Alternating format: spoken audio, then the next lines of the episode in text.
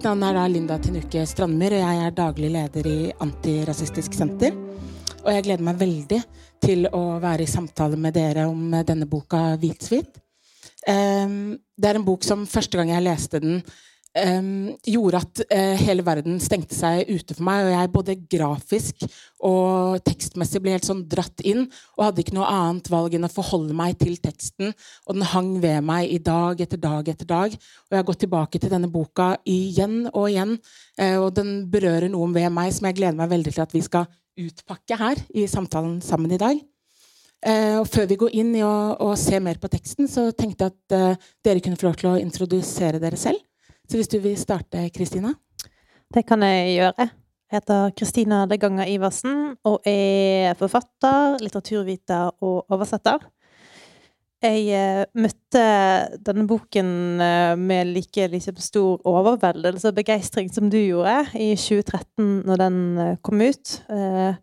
Ble ja, veldig opptatt av, av, den og den litt sånn nye bølgen jeg tror jeg så i litteraturen da den kom. Så eh, har jeg skrevet doktorgrad om hvithet og kolonialitet i samtidspoesien, der jeg skrev annet om Athena for okse. Tusen hjertelig takk. Nina? Ja, hei. Eh, jeg heter Nina Bahar. Jeg eh, er født i Iran. Eh, ikke samme by som Athena, men samme land som Athena. Eh, av revolusjonære foreldre som kom til Norge eh, i 1987. Da jeg var bitte liten baby. Seks, nei, fem måneder var jeg da vi kom til Norge. Um, så da jeg leste denne boka her, så tenkte jeg Eller du vet, jeg hører ofte folk som ser film eller hører sanger eller leser bøker, si at åh, det der de bare, det er meg, det der er meg. Men når jeg leste den boka, så tenkte jeg det der, det er meg. det er familien min, det er oss. Så jeg har et veldig sånn sterkt forhold til denne boka. Og jeg ble jo kjent med Athena før, gjennom sommer i P1, før jeg leste boka. Så jeg var jo helt sånn der Jeg vet ikke hvor mange ganger jeg har lest den, og jeg vender tilbake i tiden, og jeg Ja, det kjennes veldig sterkt hver eneste gang. Og bortsett fra å være skikkelig Athena-fan, så eh, eh, skriver jeg bøker. Jeg holder på med en voksenbok, som jeg holdt på med ganske lenge. Eh, en eh, dokumentarisk autobiografi om rasisme. Og så skriver jeg to barnebøker, som er ganske ferdig, faktisk. Ja. Fantastisk. Det kan vi glede oss til. Um, vi tenkte at vi kunne starte med at dere kunne lese litt uh, fra uh, det første diktet i boka. Og da skal Kristina lese på svensk. En slags svensk? En slags svensk, Og uh, Nina på norsk. Og så eh, går vi gjennom det eh, setning for setning på hvert språk. I hvert fall vers for vers, da. Du begynner mm -mm. Familien min kom hit i en marxistisk idétradisjon.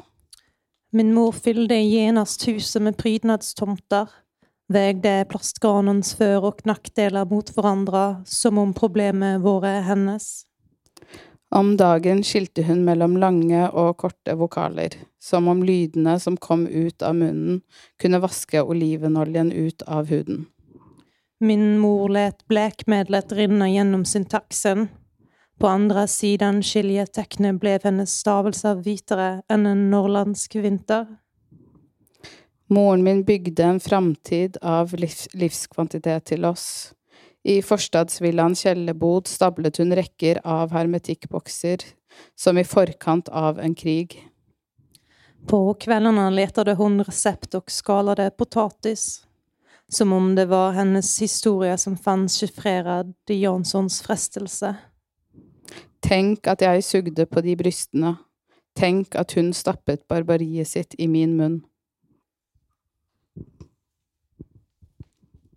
Tusen takk. Um, dette her, uh, som er den første uh, innledende siden i boken, er jo det eneste stedet hvor Athena egentlig forteller fra seg. Og så går boken, eller ja, så går boken uh, videre inn der ulike familiemedlemmer representerer ulike perspektiver og stemmer gjennom boken. Eh, vil dere si noe om, om det og, og, hva denne første siden gjør? Hvem skal begynne, Nina? Skal jeg begynne? Ja, altså nå, eh, nå er jo ikke Athena her, eh, men jeg tenker vi kan jo altså, Så vi kan jo kanskje ta utgangspunkt i at vi ikke vet om jeg i boka er helt Athena. Eh, det er jo en sånn frihet vi har som forfattere når vi skriver, at vi har en sånn type Ja, den ambivalensen kan være åpen, men det er i hvert fall, det er i hvert fall den eneste teksten der det jeget i boka taler eh, fra, eh, fra på en måte sitt eget ståsted eksplisitt. Eh, og det er jo Denne teksten er jo eh, Den er jo på en måte en, en eksplosjon av ambivalens. Eh, og voldsomhet knyttet til, eh, til, det å komme med sin familie til et land og, og bli til som et jeg i den konteksten av den, av den hvitheten og den på en måte nasjonens historie, eh, med liksom sine tradisjoner. Um, vi kan jo vise Den er jo vi, Ja, den har jo denne speilframsiden, og så når man åpner boka, så ser man jo denne teksten som er der ordene er hvite på sånne svarte bånd. Så den, den, på en måte eh, Hvitheten og hvitheten i språket blir veldig sånn iøynefallende eh, med den prologen, da. Og det er jo denne moren som vet meg og Nina har eh, tenkt begge to veldig mye på, som også kommer veldig sånn tydelig fram i den første teksten her, da. Vet ikke om du vil si litt om det, Nina? Jo, eller apropos det her med at vi ikke kan ta utgangspunkt i, eller anta at det er um bio, eller biografisk. Eh, hun har vel også uttalt at det er irrelevant om det er det, men um, jeg tenker jo at det her er jo også moren min, eller sånn. Det er um, eh, Og det er noe av det som gjør at det er så magisk å lese den boka, er at eh, veldig mye av innholdet og veldig mange av fortellingene og posisjonene er jo universelle for meg, eller sånn Det er veldig um, eh, representativt for iranere, revolusjonære iranere som kom til Europa på 80-90-tallet. Så, um, så når jeg leser det her, så blir jeg jo dratt rett tilbake til posisjonen som moren min representerer, da. Og jeg tenker liksom når hun sier Når hun skriver eh, eh, både det her med skiltun mellom lange og korte vokaler, men også det her med moren min fylte straks huset med pyntenisser, og mamma som liksom både skulle lage pinnekjøtt og ribbe og liksom gjøre alt hun kunne for å liksom Ja. Um, så uh, Det var jo ikke det som var spørsmålet, men det var bare det jeg kom til å tenke på. Hva var det Jo, men det var fint. Ja. Altså um, Jeg syns det er fint hvordan um, Å på en måte se på hvordan denne her eh, prologen speiler inn mot det som kommer til uttrykk eh, i resten av teksten. Athena har vel selv sagt at hun ser på det som et sånt kor, eh, hvor alle disse ulike stemmene til sammen eh, på en måte gir én felles klang gjennom teksten, og at hvis du går ned og ser på det nesten som ulike stemmer, at det representerer ulike eh, perspektiver og, og, forhold til det å, å migrere og komme i et nytt land som ikke er ditt, men som allikevel er ditt, eh, på en måte. Og hva, hva denne eh, innledende teksten sier om det, egentlig. Ja, ja. Ja, det er noe med den uh, spørsmålet om hvordan skal du på en måte Hvordan skal du oppdra et barn når du lever i et land der du er fanga uh, mellom rasismens vold på den ene siden og assimilasjonens vold på den andre siden, kanskje, som jeg tenker uh, kommer så kommer så tyd... Eller kom, å si at det kommer tydelig fram, er jo på en måte For det er en kompleks tekst eh, som både på en måte går inn i den assimilasjonen som blir framstilt som voldsom, men også i selvfølgelig jegets blikk på morens bryst, som da er blitt det her eh, symbol for et barbari. Mm. Eh, og det er så mange eh, man, det er så mange, eh, det er så mange, mange, nivåer man kan forstå det på. da. Når, når morens bryst er blitt et symbol for, for barbari. Den ene deler av det handler jo om hvithet, men det her er jo også en bok som som handler om hvordan jeg, for å bli så seg selv, må eh, på en måte bryte med, med, moren sin nesten i en sånn eh, omvendt Eller sånn det freudianske fadermordet. Eh, må liksom, datteren må nesten gjøre et sånn modersmord for å liksom tre fram som et eget individ. Eh, så det, det, er mye, mye som skjer her. Og det kan man også se gjennom teksten, dette oppgjøret, om man skal si det sånn, med moren på et vis gjennom morens ord. Kan du si noe om hvordan mamma- eller mor-karakteren utspiller seg gjennom de ulike diktene i boka? Om jeg kan det? Altså, har, nå har jeg ikke Post-It-lapper, men jeg fant jo noen steder Oi, unnskyld, nå fikk jeg beskjed om å lese i mikrofonen. Men, eh, men fordi jeg, jeg eh, jeg leser i hvert fall en sånn uh, type motstand fra jeget mot moren og barbari Altså det, det barbariet. Eh, eh, men også en forståelse av kompleksiteten. Eh, og jeg, som leser ut ifra mine erfaringer, tenker jo liksom at eh, utover i boka så eh, klarer jeg også å se denne kompleksiteten og litt å se sin egen mangel på eh, forståelse og empati og medfølelse for sin mor, eh, som har Som har inntatt en sånn assimilert posisjon som faren ikke har. Som far er mer sånn tro mot revolusjonen, mot det politiske. Eh, men så er det jo også, eller som jeg tenker, at faren har ikke nødvendigvis den tilgangen til assimilering. Han er en mann, og det å være en rasifisert mann gir ikke Eller ikke bare gir ikke automatisk den tilgangen, det er nesten umulig. Eh, og krever i hvert fall mye mer, mens du som kvinne og som mor eh, har litt mer tilgang til den. Kanskje var det en overlevelse. Eh, overlevelsesstrategi, kanskje var det omsorg. Jeg leser jo Nå har jeg ikke konkrete eksempler, for jeg har som sagt ikke tatt postilla, men jeg leser i løpet av boka gjennom diktene at hun viser og forstår det. At jeg viser og forstår det. Jeg vet ikke om du også ser det? Jeg tror jeg er enig med det. Jeg tenker sånn eh, kan jo være alle som sitter i denne salen, har et liksom dypt og inderlig forhold til denne boken uh, som vi har. Men vi kan jo liksom for ordens skyld kanskje bare sånn skissere opp uh, Litt sånn som du sier, moren er framstilt som en sånn uh, småborgerlig pragmatiker. Mm. småborgerlig, for hun vil at datteren skal ta pianotimer, for eksempel. Um, hun, faren sier at, sånn at hvis det var en konkurranse i martyrskap, så ville du tape med vilje. Mens faren er sånn som du sier, den her revolusjonære holder fast ved det, og er også i hvert fall i morens øyne, kanskje litt sånn romantisk revolusjonær.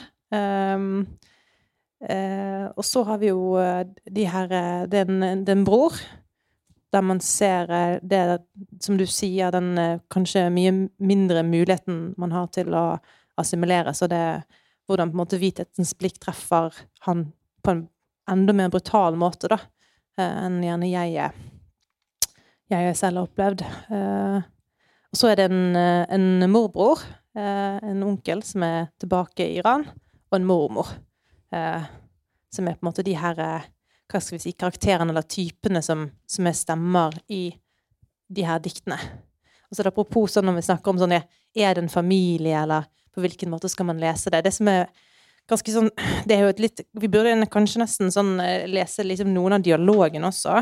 Uh, skal vi se uh, Hvilke skal vi ta, da? Men for det er jo De snakker jo ikke Det er jo diktet her, så de snakker jo på en måte ikke helt sånn som uh, vanlige folk ville prate.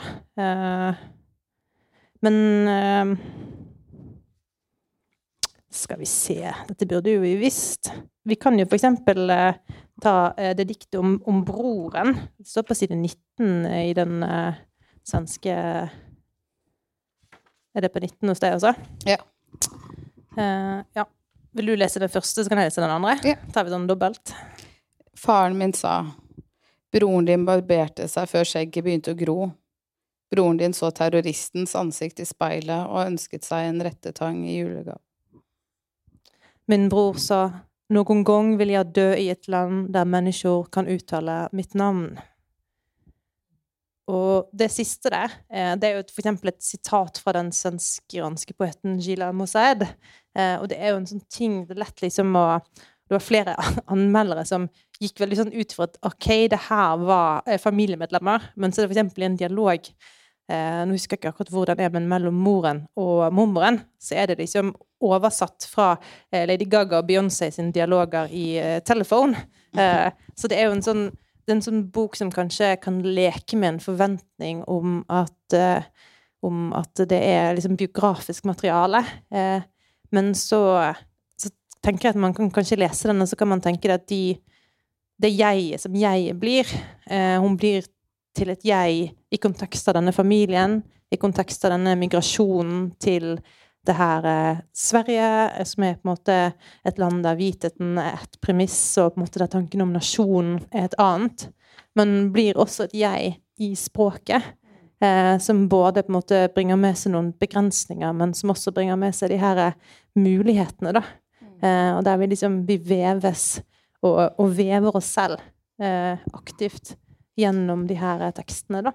Ja, for det er jo det er jo på en måte et spennende perspektiv, dette at vi kanskje alle er et resultat av omgivelsene rundt oss, på et vis at man kan eh, komme til syne av folket som er rundt deg, og, og, deres meninger om deg, eller ditt forhold til de.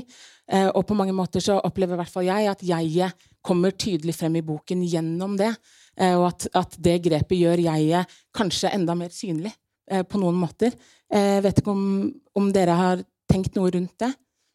Ja, eller jeg leser også jeg som veldig tydelig, og, og, og um, Men også altså, litt tilbake til det Kristina snakka om nå, med hva, hvem um, Eh, altså det er eh, inkludert ganske mange dialoger. Det er mye eh, henvisninger til andre dikt. Og, eh, men likevel så leser jeg disse forskjellige personene som posisjoner, men også som personligheter. Som, altså en, det er jo moren min, og det er faren min, og det er meg, og mitt blikk på dem. Og det er eh, storsamfunnets blikk på dem og på meg som betrakter dem. Um, eh, og så tror jeg Athena leker litt med det. Eh, og, jeg, og, da kan jeg kanskje lese noe jeg fant frem noe sånn tilfeldig her, men eh, på side 21. Eh, skal jeg begynne, og så kan du Skal vi fortsette med den? ja, det er fint. Ja. Eh, faren min sa 'Hvem sin far er det du skildrer?' Min mor sa 'Hvems mor er det du skildrer?' Broren min sa 'Hvilken bror er det snakk om?' Min mormor sa 'Om du ikke hakker klart grønnsakene snart, blir det ingen middag'. Jeg syns det er så fantastisk, fordi det forklarer det, Altså den mormor nå, liksom. Men ja. Mm, der kommer også noe av det eh, litt sånn lekne eller humoristiske som jeg syns fins gjennom hele teksten, som i hvert fall gjør at jeg suges inn i det. For det er dyster tematikk allikevel som at det, det eksisterer en lekenhet både med eh, disse ulike karakterene og hva de representerer, men også i teksten i seg selv. Og akkurat den på en måte samtalen her mellom disse ulike karakterene eh, Vil dere si noe mer om, om hva som liksom kommer til syne eh, som leser mellom linjene i det far, mor, bror og mormor sier her, da? Ja, altså nei, jeg vet ikke. Altså, jeg, jeg, tror jo Jeg tror noe av det du er inne på der, er den, her, den humoren eh, den, den, den, på en måte kan både være sånn språklig, og så er det en sånn eh, på eh, Veldig mange av karakterene er jo veldig dramatiske og tilsynelatende selvbevisst at det at de er dramatiske.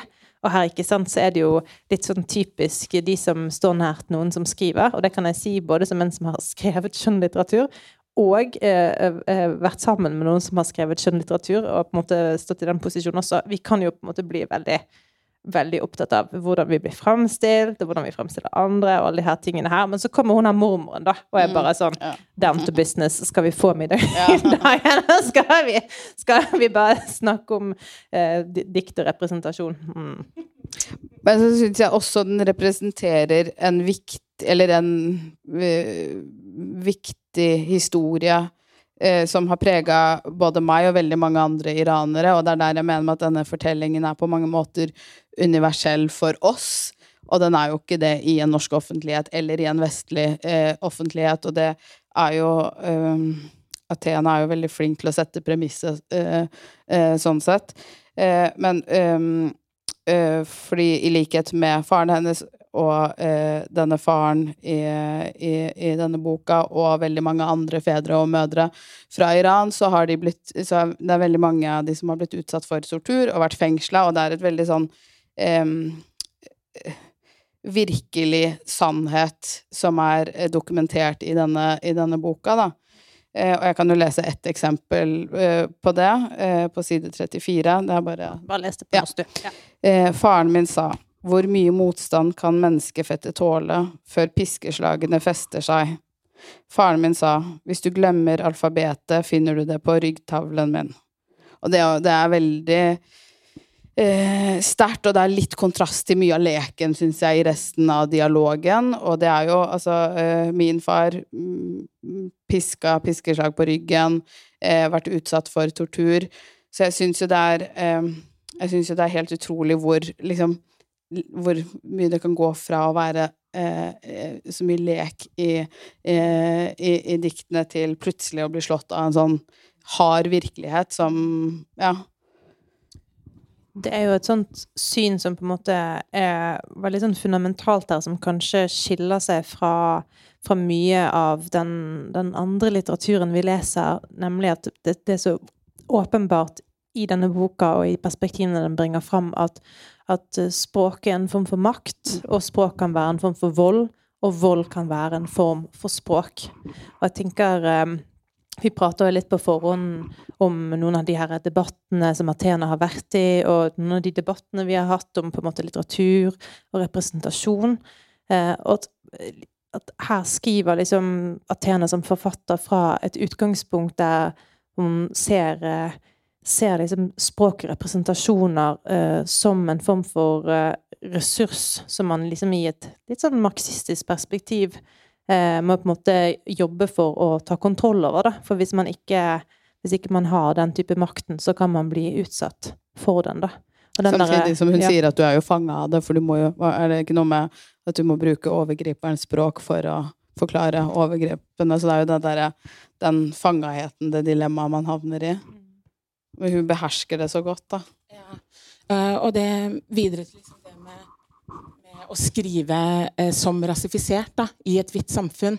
Eh, og, og det, du, det, du, refererer til, så på side 62, så er det jo et dikt hvor hun sier broren min sa det eneste språket du kan fordømme overgrepet på, er overgriperens språk. Og overgriperens språk er et språk oppfunnet for, rett, for å rettferdiggjøre overgrepet. Og det syns jeg um, um, Det er både et veldig vondt dikt og et dikt jeg har måttet bruke tid på liksom um, la sitte på et vis. Fordi uh, det man snakker om her, er jo at når du kommer som en Eller det vet man jo ikke, men det at når man kommer som et fremmed og skal eh, eie et språk og uttrykke seg på det språket, et språk som brukes til å undertrykke deg, og hva det gjør, og hvis man trekker linjer fra det litt videre inn i det å skrive i dagens samfunn, og det gjør dere begge to, og som rasifisert, hvordan man forholder seg til det å skrive i et samfunn der du leses Eh, av en majoritet, eh, og der du ikke leses eh, som en av folket, på et vis. Og hva det gjør med valg man tar som forfatter, og valg man tar som samfunnsdebattant også. hadde vært spennende å høre dere si noe om det. Ja, jeg har jo både tenkt og skrevet en del om det, for det er jo noe jeg må forholde meg til, og det er jo noe vi alle må forholde oss til, men, men i kanskje litt annen grad når man er minoritet, da. Um, og jeg må tenke på det hver gang jeg skriver, uh, og jeg skriver ofte om det eksplisitt. Jeg forhandler om hvem jeg er i en hvit offentlighet uh, i det meste. ikke i det skjønnlitterære, heldigvis. Der føler jeg at jeg har litt sånn eh, frihet, samtidig som jeg ikke har det. Og jeg vet at frihet er en illusjon, men med frihet mener jeg at, at, at uh, en karakter som er rasifisert, kan få lov til å være et komplekst menneske, og som ikke trenger å leses eh, i lys av sin bakgrunn. Eh, jeg føler meg litt mer fri i skjønnlitteraturen, men jeg gjør jo ikke det. Uh, og jeg driver hele tiden og diskuterer med, med meg selv om eh, For jeg er jo skeiv i tillegg, ikke sant, for å gjøre det mer komplisert. Så bare kan karakteren være skeiv og bruneid? Kanskje ikke. Jo, kanskje. Jeg må jo det jeg må jo tørre å ta den posisjonen, og så ender jeg ofte med å gjøre det. Men jeg syns det er ubehagelig å ikke kunne vite Eller det er en veldig sterk ambivalens knytta til det, for jeg vet ikke om dette er noe jeg gjør fordi jeg har lyst til det. Og det er jo veldig naturlig for meg. Det ville vært helt unaturlig, egentlig, å skrive om noe annet enn enn det jeg kjenner til, og det jeg føler, og det jeg er trygg på. Samtidig som noe av friheten med å skrive er jo å kunne finne på å, kunne rømme fra den, det jeg man er i virkeligheten. Eh, og den friheten har jeg ikke funnet ennå, og jeg vet ikke om jeg vil finne den, eller om jeg ikke tør å finne den, eller om det ikke er rom for at jeg kan finne den. Eh, men jeg syns eh, jeg syns eh, Vi snakka litt om det i stad, at jeg syns jo Athena er så tøff, for hun er så radikal, og hun, hun, hun fremstår som så uredd. Og da mener jeg ikke bare i bøkene sine, men som en stemme i offentligheten. Altså, jeg, jeg oppdaga Athena for Uxad først i, so, øh, i, sommer i P1 i Sverige, eh, og den hører jeg fortsatt på ganske ofte, faktisk, fordi ja, den anbefales til de som ikke har hørt det. Men øh, Og jeg, åh, jeg beundrer henne så innmari for det, og så tør jeg ikke helt å være like tøff og revolusjonær verken i litteraturen, føler jeg, og i offentligheten lenger. Eller jeg har noen ganger stukket hodet frem, og så har det vært veldig ubehagelig etter hvert. Og så har jeg tenkt at det her er jo, det er jo ikke verdt det. Jeg orker ikke å bare kjempe, liksom.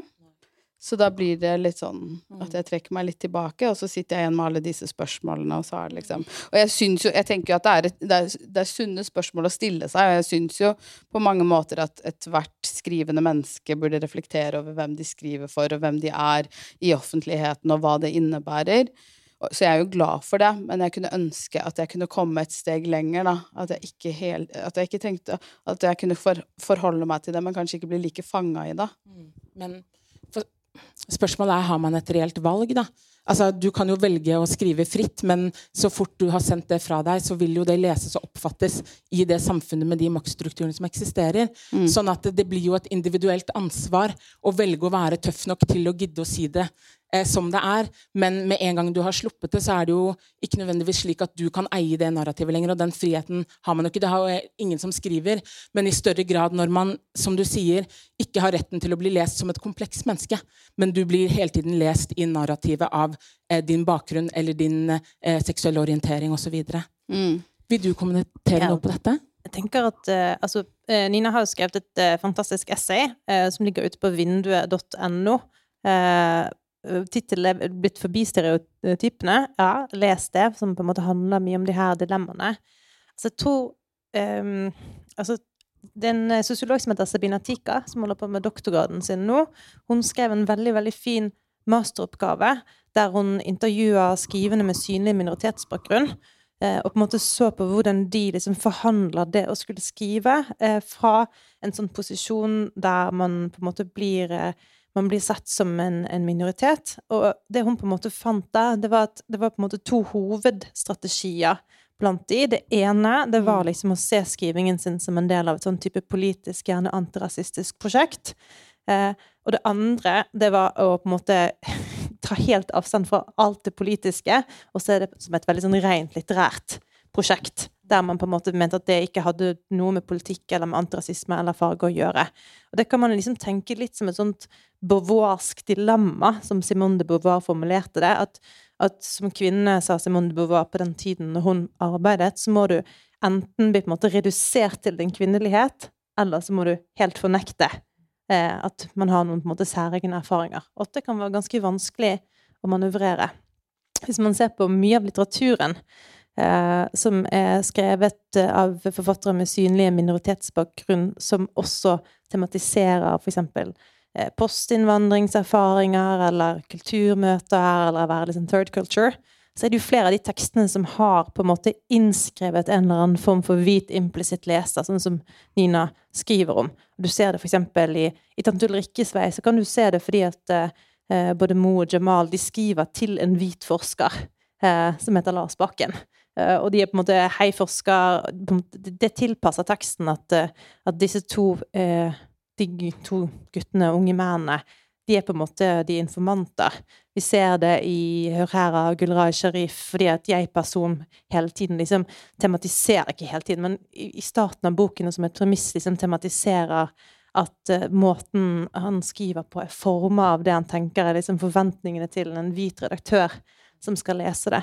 Så denne her er sånne type forhandlingen med hvitheten eh, preger i hvert fall mange av de som eh, skriver som har en synlig minoritetsbakgrunn, og vi ser også sånn spor etter det i litteraturen. Eh, og man har sett det i kritikken, og det er jo en sånn debatt som har pågått en stund nå, om hva på en måte det gjør at kritikken er så dominert eh, av eh, av mennesker uten synlig minoritetsbakgrunn og uten de type erfaringer.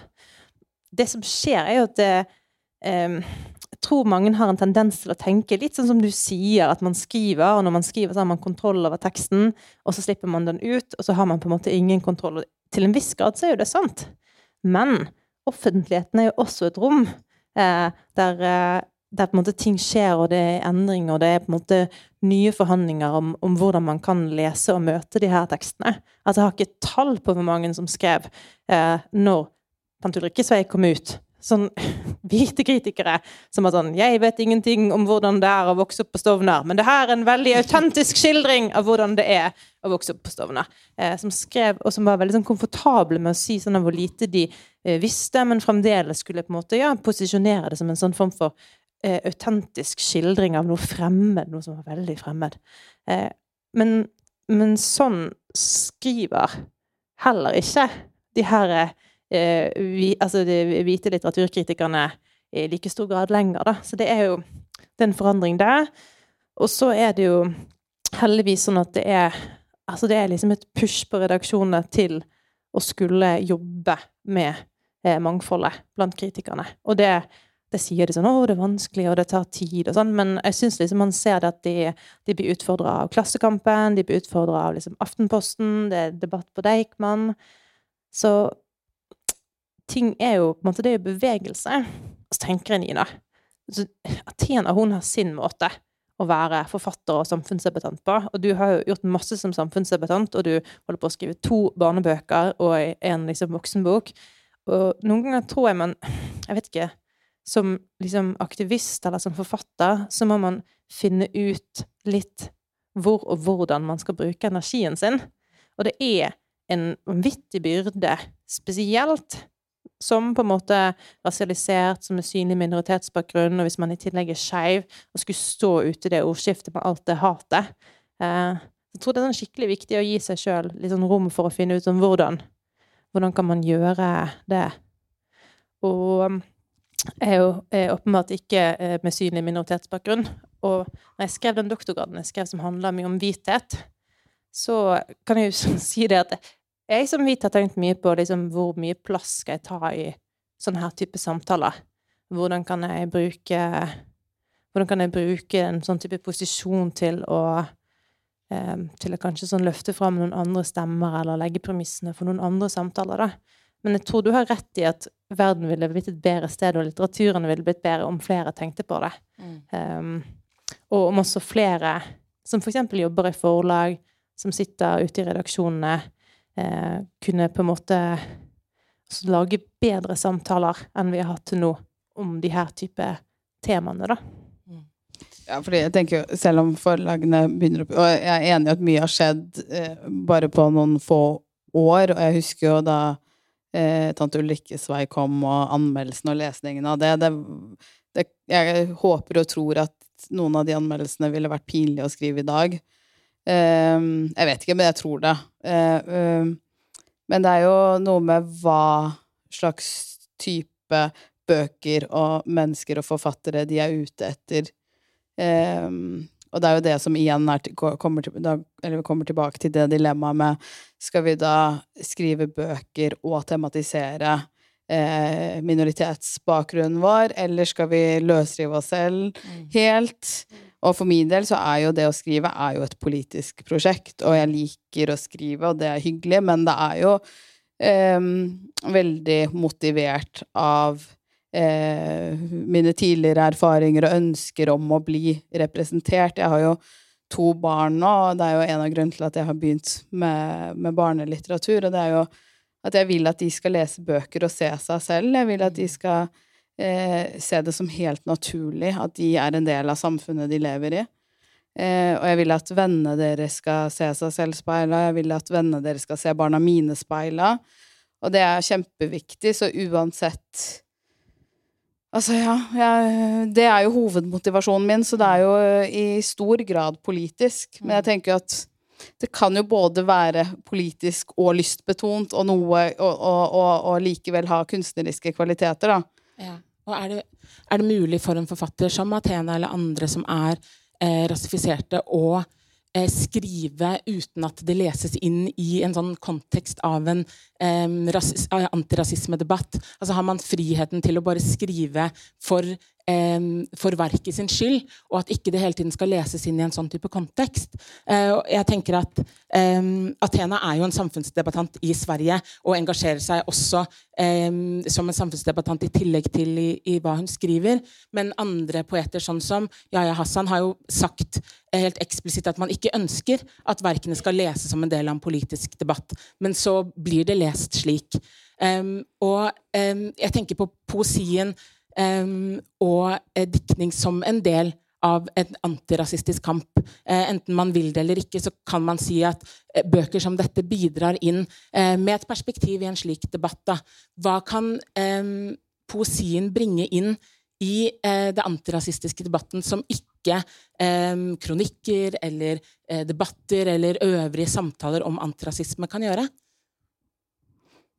Jo et stort spørsmål, men altså jeg tenker helt konkret med denne boka, da, apropos det vi har snakka om med, med uh, hvem man skriver for, og hvordan man blir lest. Eh, eh, det er veldig deilig å lese en bok hvor den implisitte leseren ikke er hvit. Ikke sant? Og det, det, føler jeg med den her.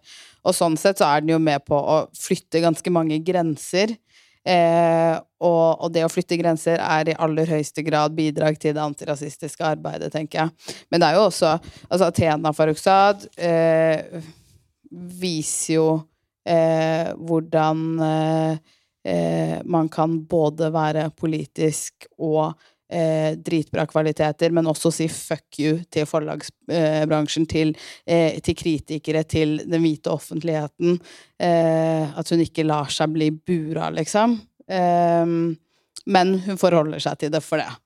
Og det er jo, det er jo aktivisme, liksom. Det er jo antirasisme. Det er jo Ja.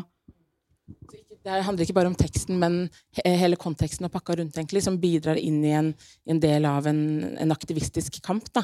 Ja, men jeg tenker teksten også i seg selv. Ja, men uh, ja, Hun kan nok ikke bli lest, løsrevet fra teksten. Men jeg kom på, for les, i går leste jeg en anmeldelse uh, av jeg tror det var denne boka her, av uh, Ingunn Økland i Aftenposten. Og da tror jeg det var en av overskriftene var 'Danmark har Yahya, og Sverige har Athena'. Og da, og jeg, så jeg spurte Kristina jeg bare, er det Altså, hva Jeg klarer ikke å lese de Eller de begge er poeter, og, og begge har migrasjonserfaring. Men bortsett fra Og sikkert flere andre likheter. De skriver om familiene sine. Men, men jeg bare klarer ikke å se hvordan, hvordan, eh, hvordan de kan lage den koblingen. Altså, hva er det ville Hvis det var to hvite eh, poeter som hadde skrevet om familiebakgrunnen sin, ville det blitt tolka som en sånn representant for en eller annen greie. Ja, og det, det, kan du veldig gjerne si noe om. Eh, Athena var jo kritisk også til eh, diktningen til eh, Jaja. Altså, de, de jeg tenker Ingunn Økland hun skriver jo for avislesere, og de, de fleste avislesere de kjenner jo ikke til eh, kanskje eh, noen eh, nålevende samtidspoeter, verken i Sverige eller Danmark. Så kan være det preger eh, preger den, den fremstillingen der. Eh, jeg tror nok det er lett for Det har jo Prebeins Hun har jo eh, snakket ganske mye om det i, måte, i, intervjuer og innlegg, og skal delta i en debatt om hvordan det har vært å eh, debutere for hun eh, med diktsamlingen 'Med resten av mine hender', eh, og oppleve at den blir på en måte Den blir med en gang eh, lest i relasjon til Athena Farokhzad og til Yahya Hassan. Og som poet i dag så har du jo gjerne et vell av måte lyriske forbilder, og du har lest mye forskjellig, og du kontekstualiserer prosjektet ditt eh, på mange vis. Men så er det jo gjerne sånn i eh, at i øynene til den eh, anonyme hvitheten, så er det lettest å ja, bli liksom plassert som, som nok en type eh, brun eller antirasistisk eh, forfatter som skriver om familieerfaringer og migrasjon, og så er det på en måte det, det man ser. Den uh, svenske litteraturforskeren uh, Magnus Nilsson han skrev det at, at det var om, om, på en måte den generasjonen som ble omtalt som innvandrerforfattere i Sverige på rundt 2000-tallet. Med når Jonas Hassen Kemiri kom med et øye rødt, og sånt, så skrev han at kritikerne har et sånn type etnifiserende filter. Der, og det kan man se ved at man ser på kritikk av bøker som er, de kan være skrevet av, eh, av, forfattere som har migrasjonserfaring, som har er blandet opp av en mamma eller en pappa som er fra et annet land, eller til og med forfattere som er adoptert eh, transnasjonalt, som da eh, ikke har på en måte noen annen eh, forskjellsmarkering enn et annet liksom, fenotyp, som mange vil si. Hudhår eller øyenfarge, for eksempel.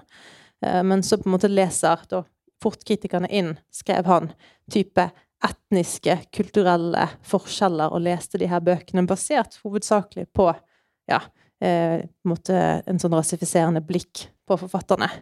Så det er jo noen sånne mekanismer som har vært i spill i offentligheten eh, lenge, da.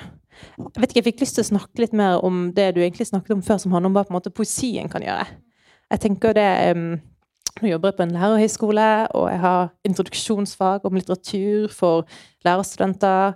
Mange av de som ikke egentlig er så veldig sugne på norsk. Um, noen av de er på programmet for 1 7, og de må ha norsk. Noen av de er på programmet for 5 10, og de eh, måtte enten ha matematikk eller norsk. Og så ville ikke de matematikk, da, eh, så da ble det norsk. Og da snakker vi liksom mye om sjangre. Og hva er det som Hva er det som Hva er det de ulike sjangrene gjør spesielt godt? Og jeg tenker at noe av det som står på spill i poesien, er jo at det er kanskje sånn mer enn mange andre sjangre. Kanskje bare med noen noen former for essays virkelig, virkelig på en måte kan granske hvordan er det vi blir til som et jeg? Eh, hva er det Hvordan bryter det her jeget fram? Altså, diktet er jo Diktet er jo ofte skrevet fra, i hvert fall sånn romantisk poesi, fra det lyriske jeget. Og møtet med liksom skjønnheten i språket, eller skjønnheten i verden, og det er på en måte det helt sånn overveldende, energiske eller lekne eller harde eller patosfylte. Så der, det er på en måte Alle sjangre har sine sånn forter, og alle sjangre former hvilken måte vi kan se på, se på jeget eller se på språket ut ifra, ut fra på en måte hvilken måte du opererer på, da. Men f.eks. for eksempel med denne boka, med den ambivalensen altså i en, i en, kronikk så skal du på en måte tenke ting klart og rasjonelt, og du skal formulere det, men den, her, den ambivalensen som man ikke kommer forbi, da, den eh, og som på en måte står der og dirrer. Alle selvmotsigelsene som står der og, og dirrer. Alle bildene som vi på en måte Vi føler de treffer oss, men vi, vi kan ikke helt forklare de. Og det at liksom diktene kan, kan romme den type språk og den type erfaring og den type ambivalens, det, det tror jeg vi trenger uh, i Når vi skal på en måte Når vi skal uh, lese om og tenke på og prøve å gi ord for de erfaringene som, som på den ene siden noen heldigvis klarer å sette veldig sånn klart ord på i f.eks. kronikker eller i essays, men som også for, for, mange oppleves som bare sånne gordiske knuter i livet. Hvordan skal vi leve med det her, liksom? Og så kan det være litt godt noen ganger at ok, noen ganger kan vi få de klare svarene, men noen ganger så er det bare det der å At noen har satt ord på de der dirrende ambivalensene vi ikke kommer ut av. da. At det også bare kan få lov til å eksistere. Det gir en annen form for resonans, om man kan si det sånn. At det er en sånn etterklang som på en måte henger ved. Og den etterklangen fra første gang jeg leste den, henger ved fortsatt. Eh, på et vis, Og det er ikke sikkert at man trenger at det er mer enn det, nødvendigvis, eh, som du sier. Um, og det, eh, og det å ta plass i poesien i Norge, i Skandinavia, som er så hvit ja. ellers, det er jo mm. i seg selv et antirasistisk prosjekt. Ja, og hva kan Altså, hva kan eh, hvitverk bety eh, for eh, samfunnet vårt i dag? Altså, hva eh, er det i dette som for, forteller oss noe, og eventuelt hva er det det forteller oss, og hva er det noe vi kan hente ut av det som vi kan benytte videre i den antirasistiske kampen som man bedriver? Et perspektiv som man kan ta med seg, og som man kan, kan nyttiggjøre seg av? Kan jo også snakke om hva den har betydd. Ja, den har jo betydd helt enormt mye for en liksom, generasjon av unge skrivende. Altså hvis du spør, hvis du spør Kamara, hvis du spør Sumaya, Nina eh, Rita Altså, det er så mange Rita Paramalingam, eh, Sumaya Irdali, Kamarayouf Jeg trenger ikke være på fornavn med alle. Det kan jo høres litt eh, eh paternaliserende eller hva som helst ut. Men altså eh, Også her jeg har jo den betydd vanvittig mye for mange i å liksom altså kunne se det at det er viktig at man eh, at man skriver, at man skriver på mange ulike måter og finner sin måte å liksom sette ord på de erfaringene man har lyst til og ønsker å skrive om, da. Um, så den har jo den har gjort veldig mye uh, allerede, tenker jeg. Ja. Og du sier jo 'herregud, hun er så tøff'. Altså liksom um, Hvordan inspirerer det deg som forfatter? Uh, jeg vet ikke hvordan det inspirerer meg, men det er jo veldig fint å ha noen som um, er med på å skyve grensene og flytte grensene, fordi du får jo helt inn den derre eh, Å nei, du er ikke normal. Nei, du har hårsår. Nei, eh, det er ikke vits å klage over det. Det er ikke vits å ta de kampene. Så det er jo alltid deilig å ha noen som går eh, foran og tør og orker å ta de kampene. Så sånn sett så er det jo sikkert en inspirasjon, det. Men, men, men, eh, men jeg først og fremst eh, Først og fremst syns jeg det er bare deilig å lese. Og liksom suge det til meg. Og det er liksom å få den muligheten syns jeg er helt fantastisk. Og det er ikke Det er ikke Eller det er ikke sjeldent det skjer, men det er ikke så ofte det skjer i så stor grad. At jeg vender tilbake til det, sånn som jeg gjør. Jeg pleier å Før jeg setter meg ned for å skrive, så pleier jeg å eh, eh plukke ut en bok og bare lese eh, en side eller en strofe eller Ja, bare for å liksom komme i gang. Eh, en veldig fin um, jeg syns det er et veldig fint ritual jeg har. Uh, og så har jeg merka at jeg veldig ofte åpner den her og blar i den. Tror det er noe sånn forfattere gjør, som kanskje vet ikke, folk som ikke skriver, hadde blitt overrasket over hvor mye man bruker liksom sånn bøker som sånn nesten sånne talismaner, og man har de rundt, og mm. ulike skriveprosjekter har ulike bøker. Jeg tipper det er mange som har denne her som en sånn bok som har eh, virka inn i, i skriveprosessen. Mm. Ja, det er fint det å peke liksom på, på, hva den har betydd, men også hvordan tematikken i boken kan være dagsaktuell i den antirasistiske debatten man står i i dag. Uh, er den det? Altså, opplever dere den som like aktuell i dag som den var når den kom ut i, i 2013? Og på hvilken måte eh, tenker dere at boken kan eh, ha verdi inn i dagens antirasistiske debatt? Da? Om den kan det? Altså, det er jo um, Altså, jeg tenker på det på denne måten. Altså, siden, eh, siden kolonialismen så har eh, liksom produksjonen av forskjeller eh, som har liksom situert eh, hvitheten ett sted eh, og definert det som ikke er hvithet som noe annet, vært liksom operativ. Eh, det kommer det til å ta lang tid før vi på en måte har kommet helt forbi.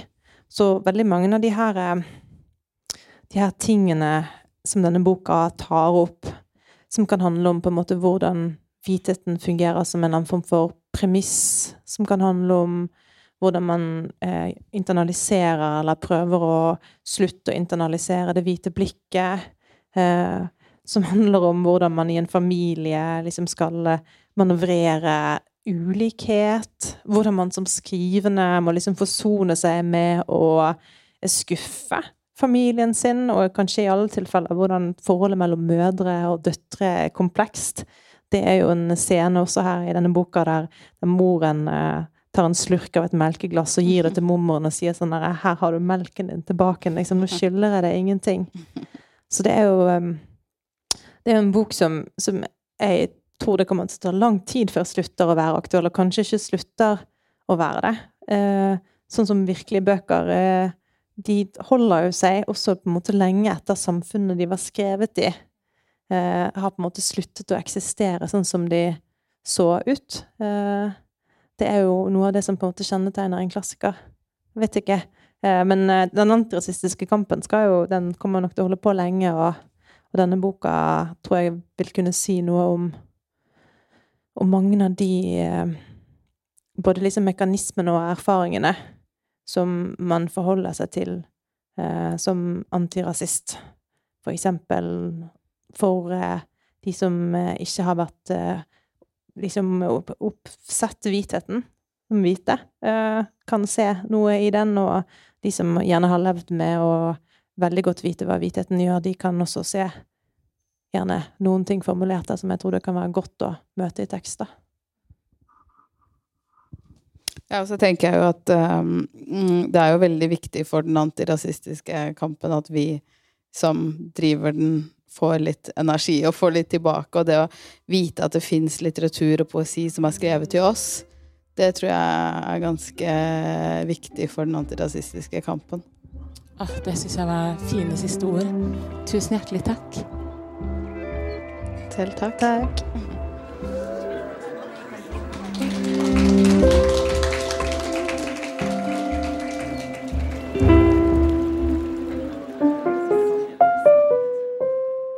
Dette er en podkast fra Deichman, hele Oslos folkebibliotek.